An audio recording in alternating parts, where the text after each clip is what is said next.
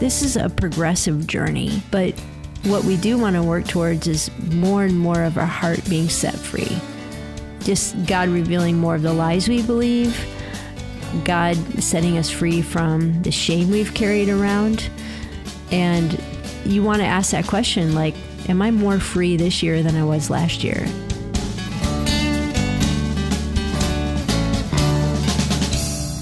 Welcome to Java with Juli. I am Juli Slattery, and that's just a little bit of the conversation that we had last time on this podcast as Hannah and I have been talking about three gifts that you can give the person you love for Christmas this year. Yeah, Merry Christmas and buckle up because Yeah. we've been we've been hitting these topics hard, Juli. Yeah, boy, uh, I feel like last time was we got into some pretty heavy stuff. We did. yeah, we're gonna keep it later this week, right? I don't know. We're gonna. I've never been on an episode with you and gotten off and thought that was light.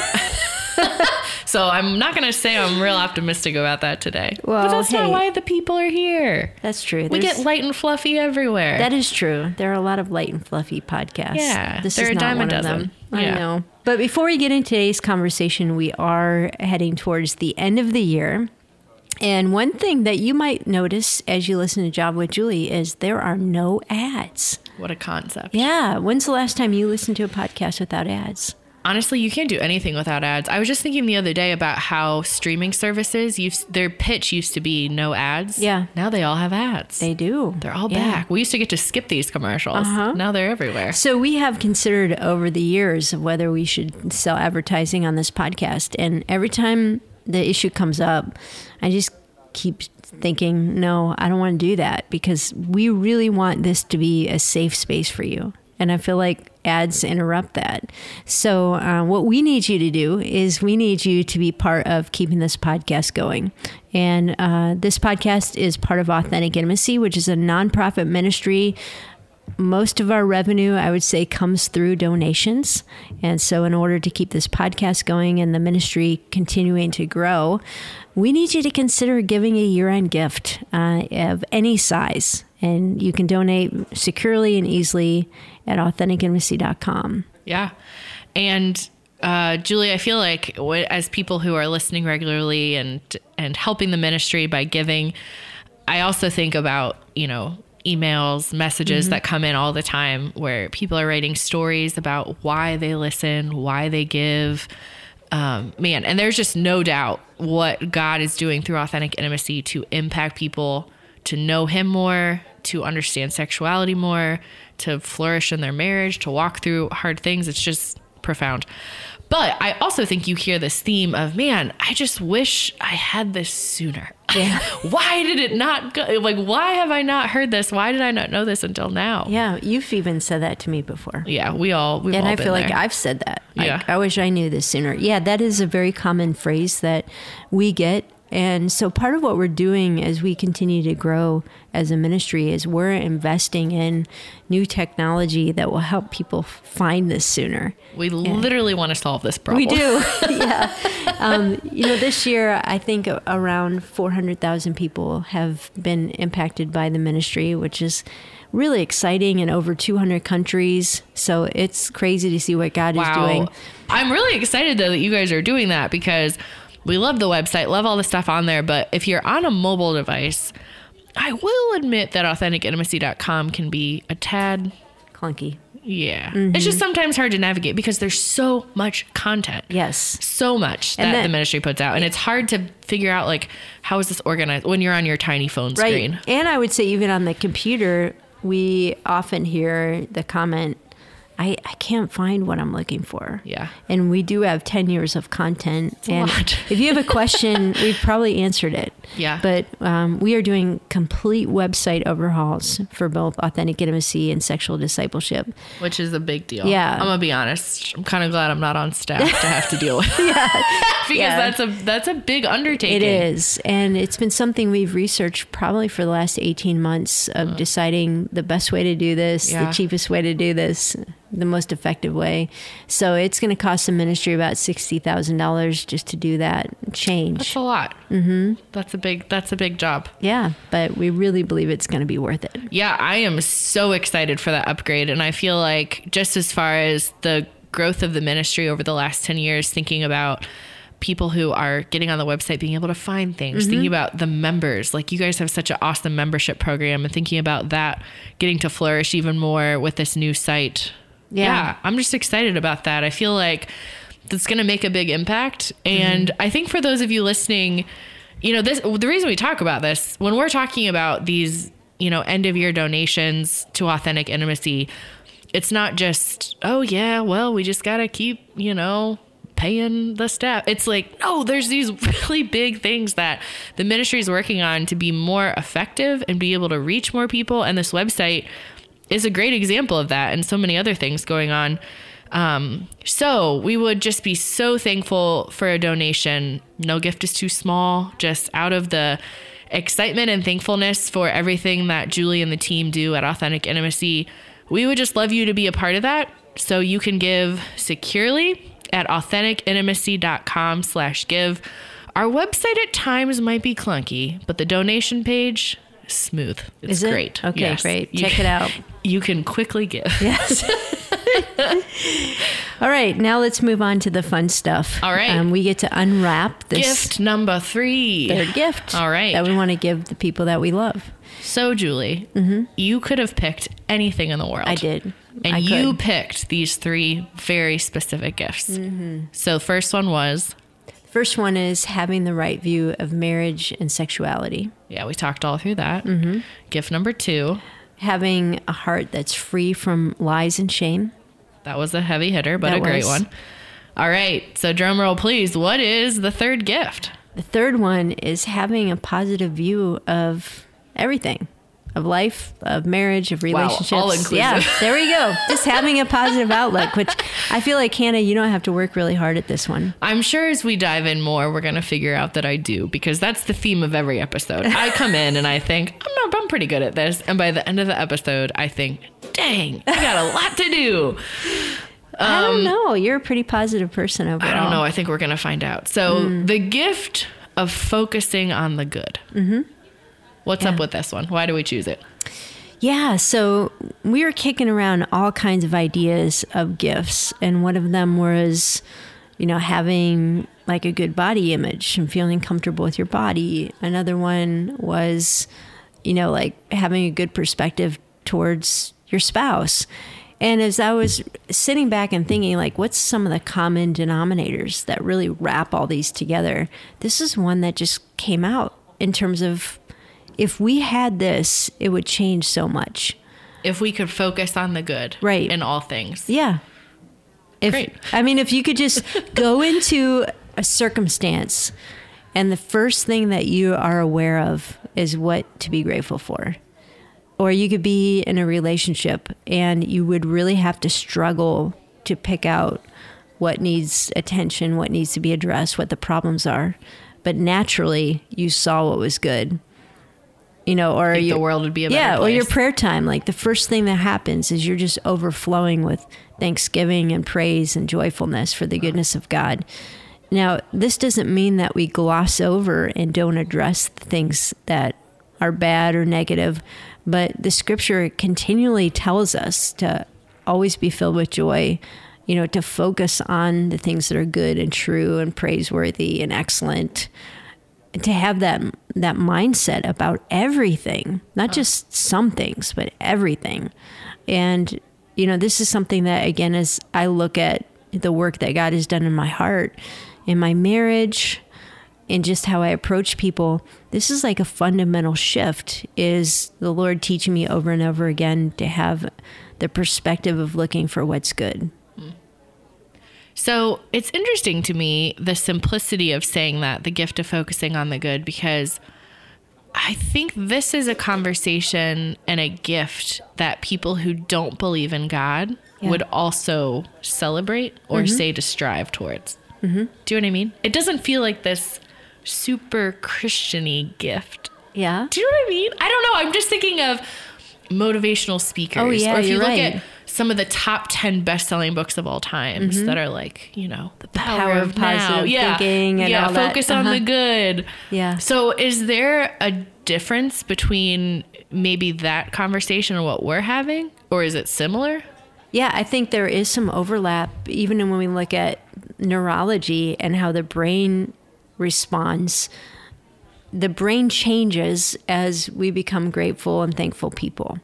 And there's all kinds of research of how your outlook changes, how you can combat even depression and anxiety just by intentionally doing something like keeping a thankful journal and focusing on the good things. Or, you know, again, psychology will show the difference in relationship if you will just say five positive things about your spouse a day or, you know, give five compliments to your kids every day.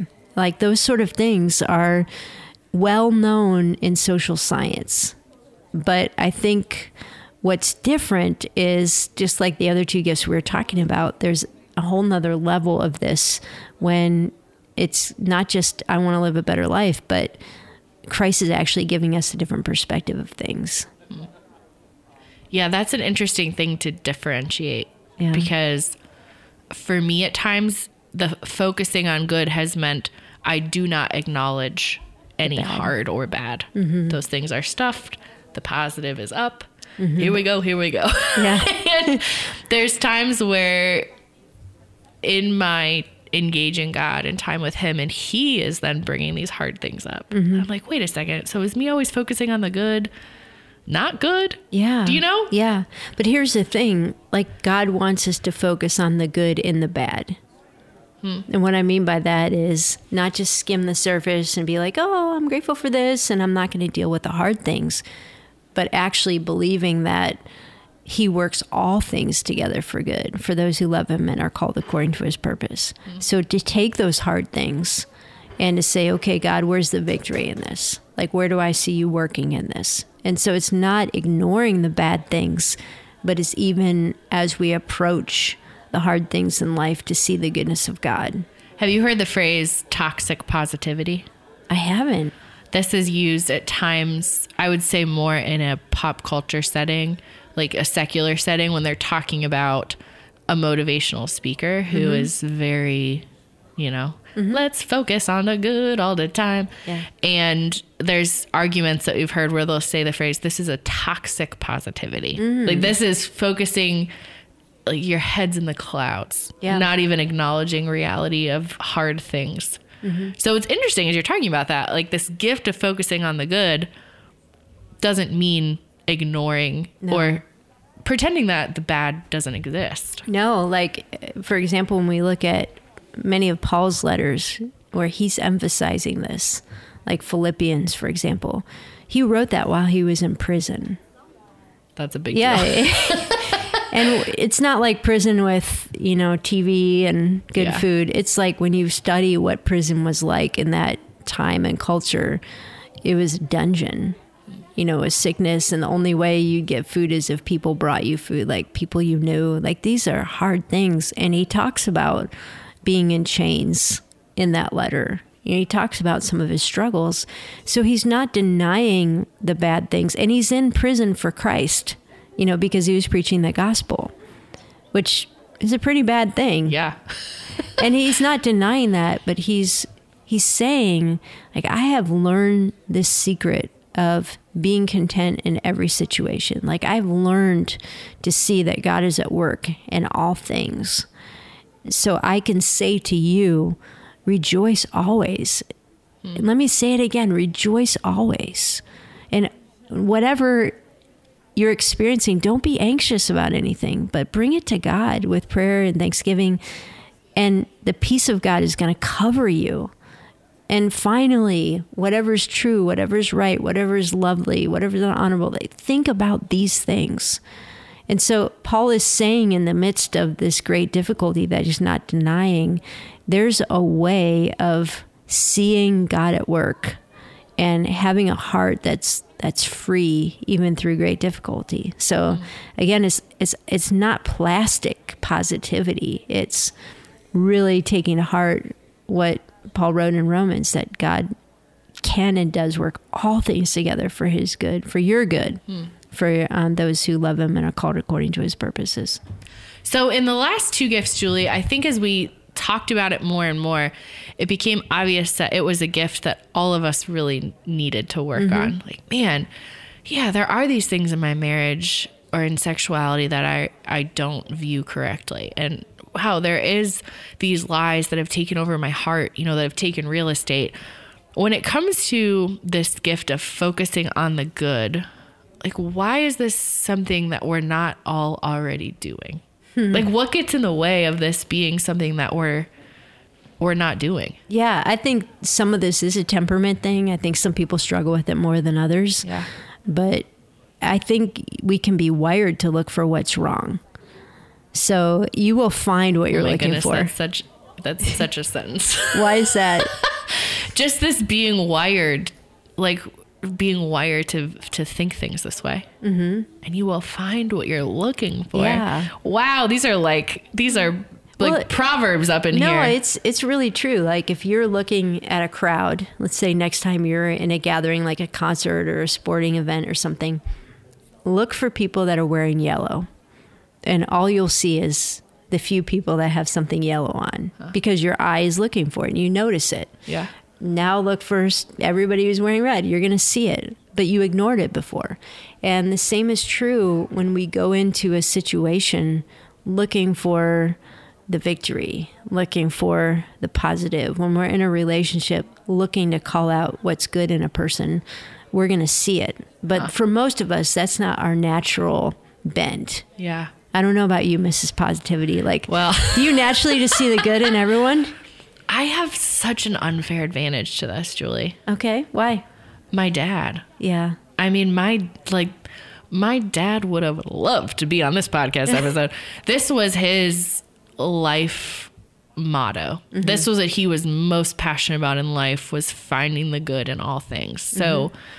I just have an unfair advantage because I was raised in a home that this was a top 3 priority at mm-hmm. all times. And not just in the way that they would talk when they were like this is something you need to know, but the way my parents, especially my dad just lived. Yeah. You know. So I from a young age had this modeled in a way that I think many people don't mm-hmm. get to see play out in a in someone they know and love and trust. Like you might be friends with someone who's like, yeah, that person always focuses on the good.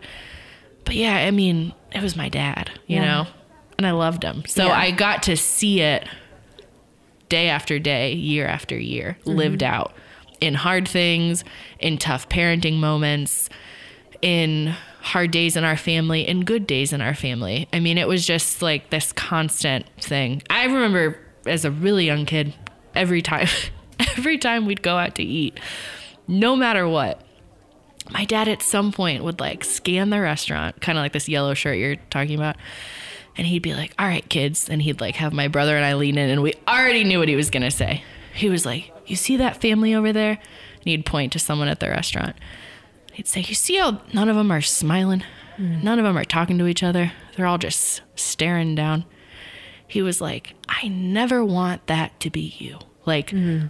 Even if you're having a hard day, and even if your family is annoying you, and even if your brother kicked you under the table, what can we see in each other that we love? And when we sit at this table, we enjoy each other. Wow. That was every time we went out Yeah. to eat. Do you know what I mean? So I just Yeah, feel like I was great. discipled in this. And there was many things in our home or with my parents that, you know, we didn't get right. But the gift of focusing on the good was modeled for me for decades. Yeah, and I can attest to that as Yeah. your cousin. Yeah, you saw it. So I hope I hope you guys weren't looking at our tables. And, I'm not gonna reveal which table we were looking at. I'm sure at. sometimes you were looking at ours because we have a yeah. I come from the more serious branch of the table of Yes, the of family. the than- family, yes, yeah. But you know, I think about you, Hannah, and I think about your mom and your dad. We always wanted to be with you. Actually, when we get in these huge family gatherings, everyone wanted to sit at your table. yeah, because at you- my dad's table specifically. yours, yeah. yeah. and because you're fun Yeah. and funny and positive, and it's great that God has created some people and that this is what they do naturally. This is not as much of a struggle for them, and I think that's probably true with most of the things we need to grow in. Some things come easier to some people than they do others, but Mm. people want to be around you, Hannah, because of that positivity. Thank you, Dad. Oh, And thank you, Hannah. Yeah. like you're carrying that on. So then, if this is something, Juli, that people really want to like harbor and mm-hmm. grow. How does doing this well, like focusing on the good, make an impact or a change, let's say in marriage Oh, or relationally? Like if you think of relationships, what does this do? it changes everything. So let me give you two examples. I'll give you an example in marriage and I'll, I'll give you an example in parenting. But when I think of this concept related to marriage, I always think of Linda's book, What's It Like to Be Married to Me and Other Dangerous A Dangerous tough Questions. book. A tough book. Yes. Yeah. Yeah. Um, she she writes about this in that book, and also I think "Calm My Anxious Heart." But she really calls out our tendency to complain and to gripe. Like she uses that word gripe. Yeah, we're good at that. And she actually gives you this assignment to put on like one of those rubber bracelets for a month. And every time you complain about something, you have to switch the bracelet from your left wrist to the right wrist and, and keep going back, like to remind you of how often you complain. Not just about your husband or your your wife, but how much you complain in general. And she points back to scripture where God actually compares complaining with terrible things like adultery and idolatry and like he he puts it in a list of of really Is bad that sins. the dripping faucet as well? I- I think a that's- verse about Oh, yeah, the that's nagging in- wife that's and the a- that's being like a dripping faucet. Yeah, that's a proverb verse. But Lovely comparison. Yeah, but but when we read the scripture, like God calls out complaining. It says, "Do everything without grumbling or complaining." So going through that practice, you start to realize how much you just complain about traffic or the weather or I always get in the wrong line or why is that person annoying me? We are set on complaining about the food's not hot enough. And so when you change your perspective and instead of complaining, you call that out and you start to intentionally focus on what's good, you create a positive environment in your marriage, in your relationship. And so, one of the things that Linda encourages you to do is to have a thankful journal where every day just write down five things you love about your spouse. Write down five things that you're grateful for. And the impact that that has on your marriage relationship is huge mm. because now that person wants to be with you. It's a positive mm. interchange yeah. from a parenting perspective, I remember when I was going through a time in the teen years with my kids where one of my children was particularly difficult. I know Shall you can't imagine that. I know. Yes, I know you can't imagine One that. of the three, we don't know which Yes. But I remember praying about him and the Lord just saying to me, I want you to delight in him. Hmm. And that word delight really jumped out at me. And I began to approach that relationship and just ask, how do I delight in my son? I love this question. Yeah. It's just a different phrase from like focus on yeah. the good. Yeah. Like, what do you find that you delight in this person? Yes. Uh huh. And this was a phrase if you've raised teenagers that wasn't easy to delight in. There wasn't a whole lot of obvious good to focus on, but Yeah. how could I take joy in him? And again, the word delight, I don't know where it came from other than God challenged me with it, is another level of looking for the joy of this person and looking for what you love about them, not just tolerating. And for probably about six months, I really channeled my interactions with this son based on this secret question that I was asking How can I delight in him today? And it changed my perspective. I don't know how much it changed my son. It probably did over time, but it changed my attitude to where I was actively working on creating a positive exchange instead of just trying to keep my negative thoughts at bay. Hmm. Man, I'm trying to think of a verse, Juli, that is coming to mind as we're talking about this. And it's where God uses the phrase about like around being thankful and thankfulness as a sacrifice to Him. Mm-hmm. Like Yeah. giving a sacrifice of thanksgiving. Yeah. And if you think about a sacrifice, it was these things that, like, the God's people were literally giving to Him as this like pleasing thing. Like this is something that God has asked for, and and He delights in.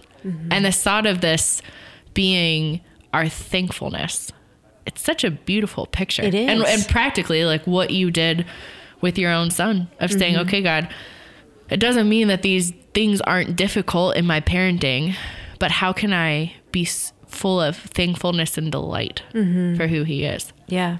Finding Mm-hmm. The good. And a sacrifice of Thanksgiving, like a sacrifice costs us something. And so sometimes intentionally pursuing thankfulness will cost you something.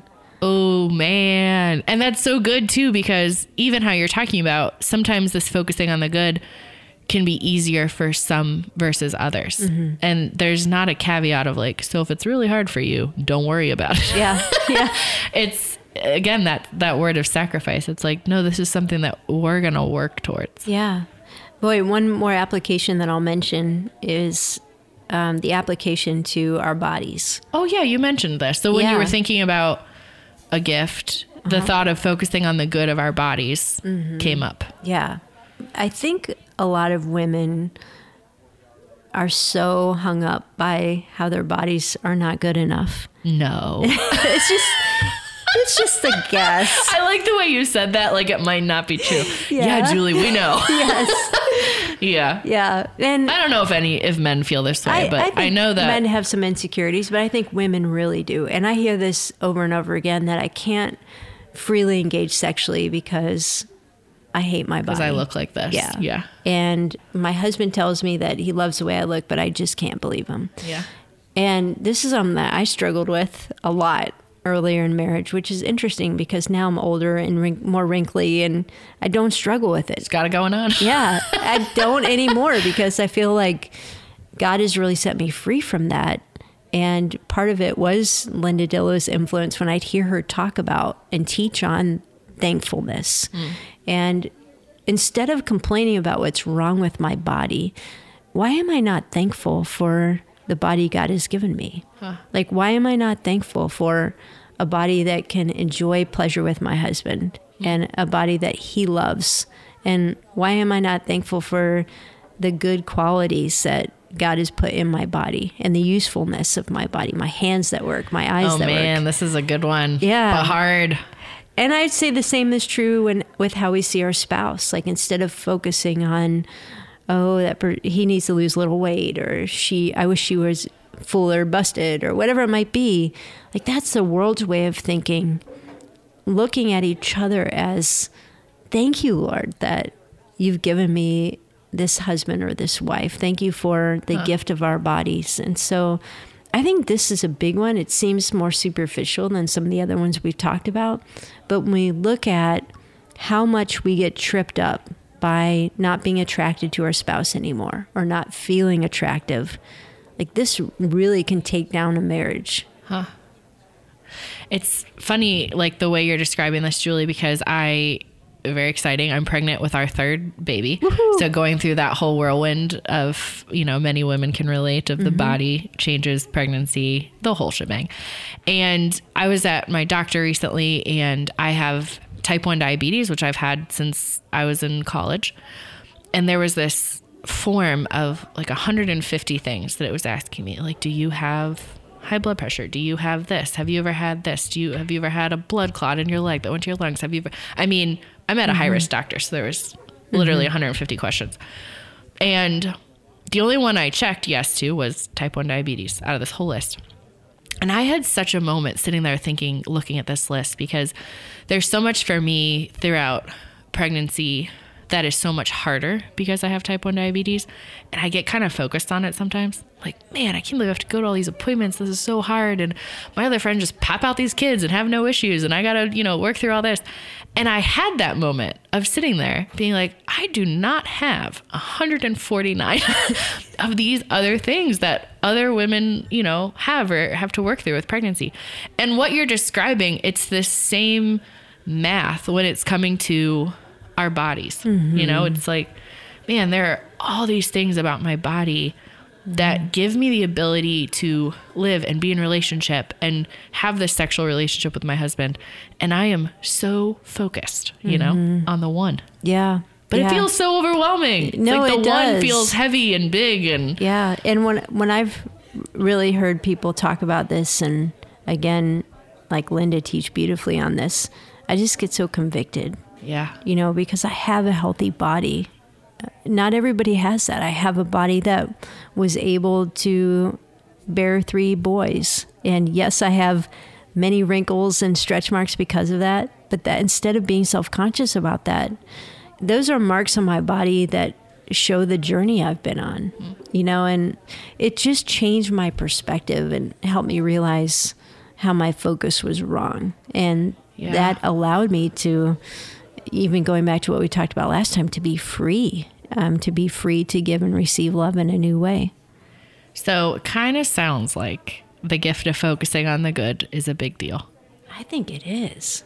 I see why you picked it, Juli Yeah. Slattery. and see, you didn't really need this one, Hannah, though. no, get out of there. I mean, you're right, though, when you think about its overflow into how we view our relationships, our marriage, our bodies. Man, I think even how we view God. I think focusing on His goodness, Yeah. too, seeing His good. Man, mm. there's so many pieces of this. Do you do you feel like as we're looking at? I mean, there's so many applications. Like some practical steps we talked about for focusing on the good. You know, you mentioned this thankfulness journal. Mm-hmm. Do you have other tips or pieces on like, man, how do we really work on this gift? Yeah, I think some of the ones that we mentioned, apart from like the thankfulness journal, is in relationship. Like you may need to take your most difficult relationship and ask the Lord, how do I delight in this person? You know, would you give me eyes to see what's good and a call out what's good? And you mentioned just thankfulness to God. Like one of the things that really was transformational for me was when I spent the first 15 or 20 minutes of my time with the Lord on a regular basis just praising Him.